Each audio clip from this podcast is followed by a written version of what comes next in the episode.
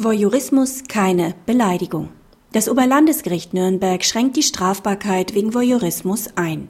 Der Angeklagte hatte auf einer Rolltreppe sein Mobiltelefon unter den Rock der Geschädigten gehalten, um so Bildaufnahmen anzufertigen. Das Oberlandesgericht hob in der Revisionsinstanz die Verurteilung wegen Beleidigung auf. Der Tatbestand des Paragraphen 185 StGB sei hier nicht erfüllt. Sexuelle oder sexualbezogene Handlungen fielen nur dann unter diese Vorschrift, wenn besondere Umstände einen selbstständigen, ehrverletzenden Charakter erkennen lassen. Daran fehlt es aber, wenn die Geschädigte lediglich heimlich beobachtet werden soll, denn dann liegt keine Kundgabe einer Missachtung des Persönlichkeitswerts vor. Praxishinweis.